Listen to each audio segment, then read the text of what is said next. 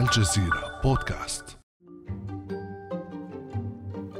مئات المصانع ومئات آلاف المشاريع الصغيرة والمتوسطة في أنحاء العالم توقفت تماما عن العمل وخلفت وراءها أكثر من مليار عامل دون وظيفة أو أجر كامل. أزمة اقتصادية غير مسبوقة ومؤشرات فقر قد تصل عما قريب إلى مستويات قياسية. فكيف ينجو الاقتصاد من هذا الدمار الواسع؟ وما هي آليات دول العالم للتعافي بعد أمس من الجزيرة بودكاست أنا خديجة بن جنة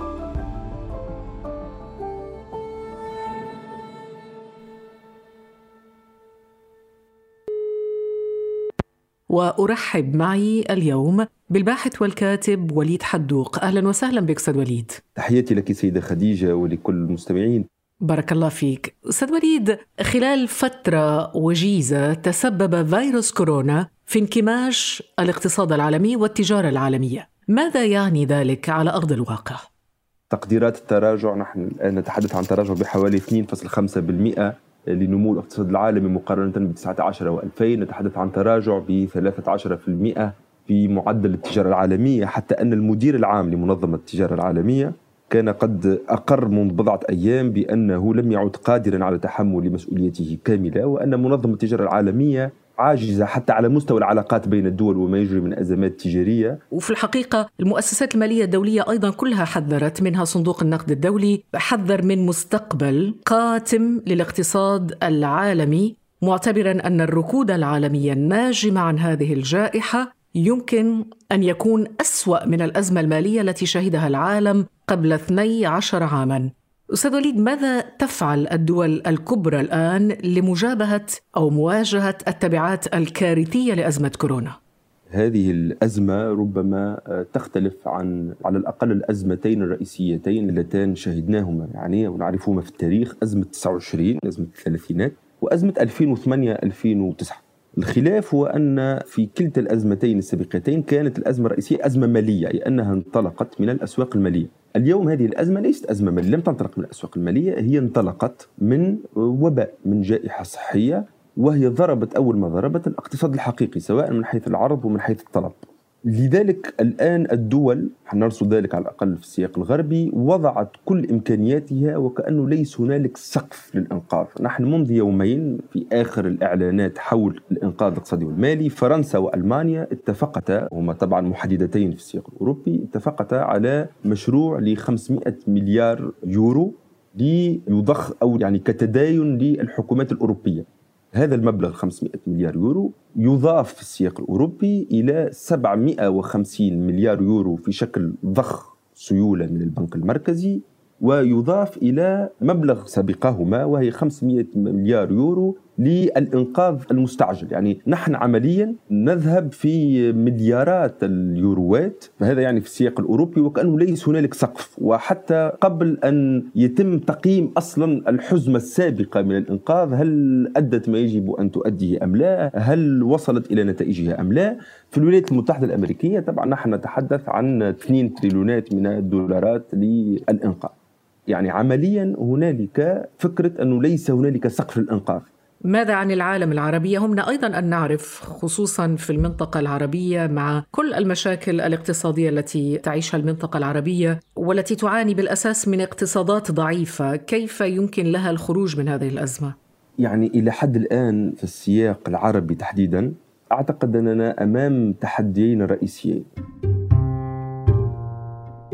التحدي الأول هو أصلا قدرتنا على ضبط كلفة الإنقاذ يعني إلى حد الآن ليس هنالك إحصاءات أو تقديرات دقيقة لكلفة الإنقاذ. أو لكلفة فعلا ما نخسره أو ما نحن بصدد خسارته في الاقتصاد الحقيقي. طب لماذا لا نستطيع تقدير كلفة الإنقاذ؟ يعني ثمة أشياء قد تبدو غير متوقعة. أنا نعطيك مثال يعني تجميع الإحصاءات في المنطقة نتاعنا على الأقل مثلا في السياق التونسي الذي أعرفه وفي سياق دول مغاربية عديدة آه، يتم يعني بطرق قديمة بطرق أوفلاين فالناس الذين كانوا متعودين على تجميع المعطيات والأوراق وتجميع الملفات وتقبل المراسلات وغير ذلك هؤلاء أيضا يعني حجر كانوا في الحجر الصحي وثمة نقص في تواصل المعلومات وفي تواصل المعطيات. هذا سبب لا نتحدث عنه كثيرا ولكنه موجود وصدرت حتى تقارير لخبراء دوليين حول هذا الموضوع فيما يتعلق بمنطقتنا. بسبب البيروقراطية والاعتماد على الوثائق والأوراق وطبعا هذه آليات قديمة لم يعد الاقتصاد العالمي يعتمد عليها. وهنالك حتى يعني تقارير اقتصادية مهمة احتجبت. لبنوك مركزية في المنطقة. أنا اتابع الموضوع. هنالك تقارير يفترض تصدر دوريا شهريا أو كل ثلاث أشهر احتجبت عن الإصدار. يعني أنا أعطيك مثال أنه الآن في الولايات المتحدة وغيرها نحتسب التضخم بطريقة رقمية عمليا 100% عبر ال big data وال open data ويتم احتساب الأسعار وتتبع الأسعار لأنه كل الأسواق متاحة على الرقمي على المنصات الرقمية. يعني كما يقال دقة قديمة يعني. بالضبط. فهذا مشكل لا يتحدث عنه ولكن أعتقد لا يجب الاستهانة به البتة لا يجب الاستهانه به تماما. هذا من ناحية. من ناحية ثانية هنالك شيء ثاني أيضا. هنالك موضوع المرونة مرونة الاقتصاد.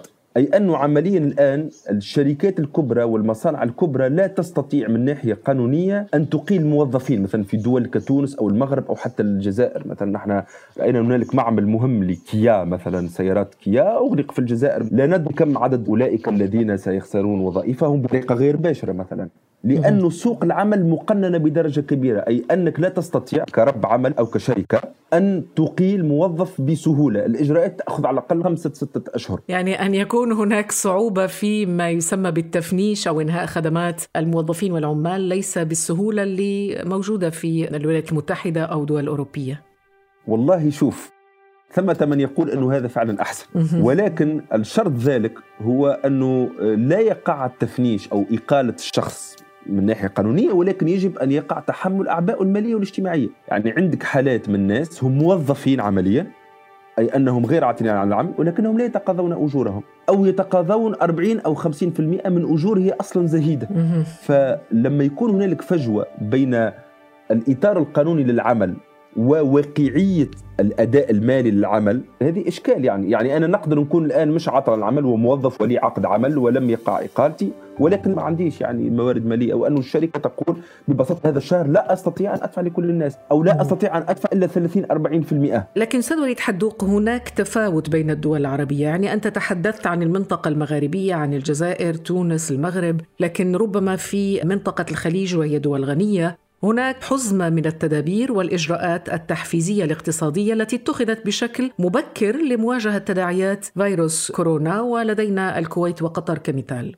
بالنسبة للاقتصاديات العربية النفطية الوازنة لأنه في الاقتصاديات النفطية يجب أن نفرق يعني. أنه يجب التمييز ربما بين الاقتصاديات النفطية الاستثنائية أنا أسميها كالكويت وقطر بحكم يعني حجم السكان والاقتصاديات النفطية الأخرى اللي يعني حجم سكانها مرتفع وعندها تحديات التي نرصدها في كل دول العالم كالمملكة العربية السعودية الجزائر. في هذه الدول تم الإعلان عن إجراءات تقشف استثنائية يعني لما نتحدث عن 30% كتخفيض لميزانية الحكومة هذا أمر غير هين في دولة. يعتمد اقتصادها ومجتمعها أساسا على الريع النفطي هذا أمر غير هين. والإعلان نفسه غير كافي أعتقد في تقدير كلفة الاقتصاد لأنه تستطيع أن تعلن أنه سيتم التخفيض ب 30% ولكن كيف؟ تستطيع أن تقول أنه سألغي ميزانية الترفيه. okay الترفيه تستطيع أن تلغيها ولكن ماذا للتعليم؟ وأنت التعليم عندك يعتمد على أساسا أساتذة يقدمون من الخارج والصحه أطباء يقدمون من الخارج. بالتالي التحديات كبيرة يعني. لكن ماذا أستاذ وليد حدوق عن الدول العربية غير النفطية مثل مصر؟ وهي تواجه تحديات اقتصادية كبيرة. لا يعني بالنسبة للدول العربية غير نفطية على غير مصر وأيضا الدول الخاصة التي يعتمد جزء من اقتصادها جزء مهم من اقتصادها على الاقتصاد غير المهيكل واقتصاد الظل. هذه الدول بحكم وطبعا لا أتحدث عن السياحة مثلا هذه الدول مصر تونس المغرب أيضا لا أعتقد أنه إشكال حقيقي وأعتقد أنه إلى الآن حسب متابعتي الشخصية لم يتم بعد استيعاب صدمة الكلفة أي أنه إلى الآن الناس لا تستوعب. أعتقد هذه الدول لم تستطع بعد تقدير وأعتقد أنه ليس بإمكانها في المدى المنظور. لماذا؟ لأنه هذه عمليا أول سنة تعيش هذه الدول بدون سياحة في الصيف. يعني نحن في تونس أو في المغرب أو في مصر لم نشهد من قبل صيفا قطع حتى في 11 سبتمبر 2000 كان هنالك حد أدنى من التنقلات وغير ذلك. فهذه شيء غير مسبوق ليس له مرجع تستطيع القياس عليه. وحتى في أوروبا نفس الموضوع. يعني لذلك تحدثت كثير عن أوروبا في البداية لأنه يمكن نوعا ما المقارنة أو القياس. أستاذ وليد على ذكر المقارنة والقياس هناك من يقارن هذه الأزمة وتداعياتها بما شهده العالم خلال الحرب العالمية الثانية حتى أنه الرئيس الفرنسي إيمانويل ماكرون حاكم ولاية نيويورك ومسؤولون آخرون حرصوا على تشبيه ما نعيشه اليوم بزمن الحرب. إلى أي مدى تبدو لك أوجه الشبه بين أزمة كورونا اليوم وما دار خلال الحرب العالمية الثانية حقيقيا؟ حقيقة ثمة أعتقد في ردة فعل الحكومات أوجه مقارنات عديدة. يعني مسألة التسخير مثلا. إحنا رأينا كيف الولايات المتحدة ترامب سخر جنرال موتورز لتصنيع خمسين ألف جهاز تنفس اصطناعي. نحن نرى في أوروبا بالمناسبة حتى في الإعلان الذي صدر أول أمس بخصوص خطة الإنقاذ هذه المقترحة ثمة فكرة ضرورة إغلاق الحدود ضرورة الاكتفاء الذاتي في مستوى التصنيع الصحي. وإن استوجب الأمر تسخير مصانع وتم تسخير مصانع في فرنسا لصنع كمامات. فعلى مستوى السيكولوجية صناع القرار هنالك فعلا حالة مقارنة بالحرب. على مستوى الاقتصاد الحقيقي لا أعتقد أن المقارنة وجيهة جدا لأن الحقيقة في فترات الحروب هنالك ما يعرف اقتصاديا بازدهار الحروب. يعني لو نقارن بالحرب العالمية الثانية الحرب العالمية الثانية انخفضت فيها نسبة البطالة. يعني الحرب العالمية الثانية كانت هي بداية استعادة الاقتصاد لعافيته بعد أزمة الثلاثينات. والتاريخ الاقتصادي يذكر أن نسبة البطالة في حين انخفضت من 14% تقريبا إلى 1.2% جزء منه يعود طبعا لاقتصاد الحرب أن الدول تشغل الشباب في الجيوش وفي الجهد العسكري فهنالك أعتقد على مستوى السيكولوجيا السياسيه سيكولوجيا صنع القرار هنالك فعلا هذا النفس نفس الحرب العالمية الثانية ولكن أعتقد أنها من زاوية الاقتصاد الحقيقي قد تكون أسوأ ما نعيشه الآن قد يكون أسوأ بأشواط من اقتصاد الحرب العالمية الثانية يعني.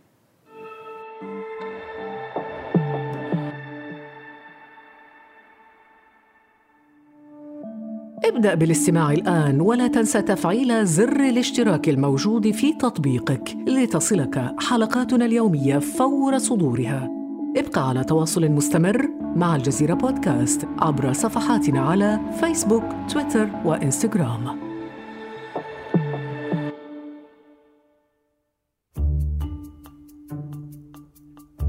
اتخذت دول عديدة في العالم تدابير اقتصادية مختلفة طبعا لإنقاذ هذه الاقتصادات المنهارة بسبب كورونا. عندك مثلا الولايات المتحدة الأمريكية ضخت 2 تريليون دولار لمساعدة الشركات الصغيرة والمتوسطة وإنقاذ الاقتصاد. بالنسبة للأفراد حصل كل مواطن أمريكي أو مقيم بالولايات المتحدة على 1200 دولار و500 دولار لكل طفل. ما رأيك بهذه الإجراءات أستاذ وليد؟ هو بالضبط هذه الإجراءات تمشي في فكرة الإنقاذ أي أنه نريد أن ننقذ الوضعية الفردية العائلية الاجتماعية نريد أن ننقذ المجتمع من الانهيار والمفاصل الرئيسية الاستراتيجية للاقتصاد من الانهيار. ولذلك الاقتصاديون يقولون إنه من أحسن أو جزء كبير أيضا من السياسيين يقولون إنه من أحسن الاليات هو توجيه الدعم مباشرة للعائلات والأفراد وعدم المرور بالقطاع البنكي والقطاع الشركات كما حصل سنة 2008 و2009 وأعتقد أنه هذا اختلاف رئيسي مع أوجه أو آليات الإنقاذ مقارنة بالأزمة الماضية. هو أنه في هذه الأزمة بدأ التوجه على الأقل يبدو أنه الدعم المباشر للأفراد وللعائلات. حتى في أوروبا هنالك حديث كبير مثلا عن ما يسمى بالدخل الكوني العام وهو يتقاطع مع ما ذكرتيه من آليات هي أنه بكل بساطة أنه لكل فرد لكل مواطن الحق في حد أدنى في دخل أدنى شهري يضمن له كرامته الإنسانية. إذا ما استطاع أن يعمل أكثر وينتج أكثر ويحقق ثروة أكثر فتلك ميزة وذلك يعني شيء جيد ويساهم في خلق ثروة الاقتصاد ولكن أيضا يجب أن يطرح فكرة وهذا مطروح في أوروبا ما يعرف باليونيفرسال بيزك انكام أي حد دخل أدنى كوني لكل المواطنين الأوروبيين طيب هذه الإعانات المالية التي تخصصها الدولة للشركات والأفراد هل هذا النموذج موجود أيضا في المنطقة العربية؟ نعم. خليني سيدة خديجة نقول لك أنه أولا للأفراد والإنقاذ الاجتماعي وللعائلات. بدأ الموضوع هنا أساسا. يعني الأولوية في الاقتصاد الأوروبي والأمريكي في هذه المرحلة هو هذه. في المنطقة العربية للأسف نحن بعيدين نوعا ما عن هذا المنطق. لماذا؟ هنالك دعم ما لاحظناه في الإجراءات في المنطقة العربية. هنالك إعلانات دعم للشركات أي تحفيز جبائي تخفيض في الضرائب إعفائها من ضرائب الأشهر الماضية أو كل ما هو الأعباء الاجتماعية. هنالك دعم اجتماعي ما أسميه دعم اجتماعي تقليدي. يعني في كل الدول العربية عندك سجلات للحالات الاجتماعية وهذه السجلات قالت الحكومات مثلا في المغرب وفي تونس إنه سنقدم لها دعما ظرفيا. ولكن على أساس السجلات الموجودة والمعدة منذ سنوات. المشكلة في هذا الإجراء أنه لا يفترض بأن هنالك أناس كانت على مستوى جيد من العيش ولم يكن لها مشكل الخصاصة والفقر يمكن أنها سقطت تحت خط الفقر في ظرف أسبوع أو أسبوعين. ففي المنطقة العربية نحن عمليا حقيقة بعيدين في كل ما ألحظه من إجراءات. لا أتحدث عن استثناءات طبعا الاقتصاد الرفاه ولكن أتحدث عن الدول العربية عموما نفطية وحتى غير نفطية. نحن بعيدين عن منطق الإنقاذ الاجتماعي للأفراد والانتظار بالنسبة للشركات والاقتصاد. إلى أن تتوضح الصورة. لكن ربما هذا الإنقاذ يورط الدولة في مشكلة المديونية. في كل أزمة اقتصادية وخطة للإنقاذ المالي تطرح مسألة المديونية. لماذا؟ طبعا أكيد أن ميزانية الحكومات لا تستطيع أن تحتمل نحن متفقون على هذا الشيء.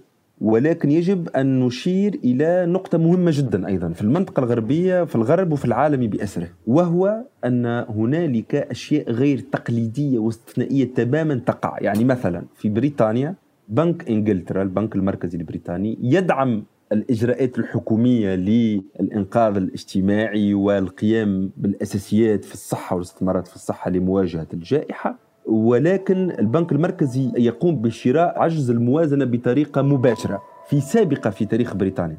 ثمة من الاقتصاديين من يقولون أن كلفة الإنقاذ لجائحة كوفيد 19 يجب أن لا يتم احتسابها في عجز الميزانيات. المشكلة أن دولنا الحكوماتنا في المنطقة العربية لم تبدأ بعد بالتفكير جماعيا. أقول حتى في إطار إفريقي لأنه هنالك صوت أوروبي غربي في ابتداع آليات أو في إعطاء شرعية لآليات غير تقليدية مالية واقتصادية للأنقاذ. المنطقة العربية والإفريقية باستثناء دعوة الرئيس السنغالي ماكيسال لإلغاء الديون لم تشهد أي تفكير جماعي ولا أي صوت جماعي بخصوص الإنقاذ. هذا إشكال حقيقي. شكرا جزيلا لك الأستاذ وليد حدوق الباحث والكاتب التونسي. شكرا جزيلا لك. كان هذا بعد أمس.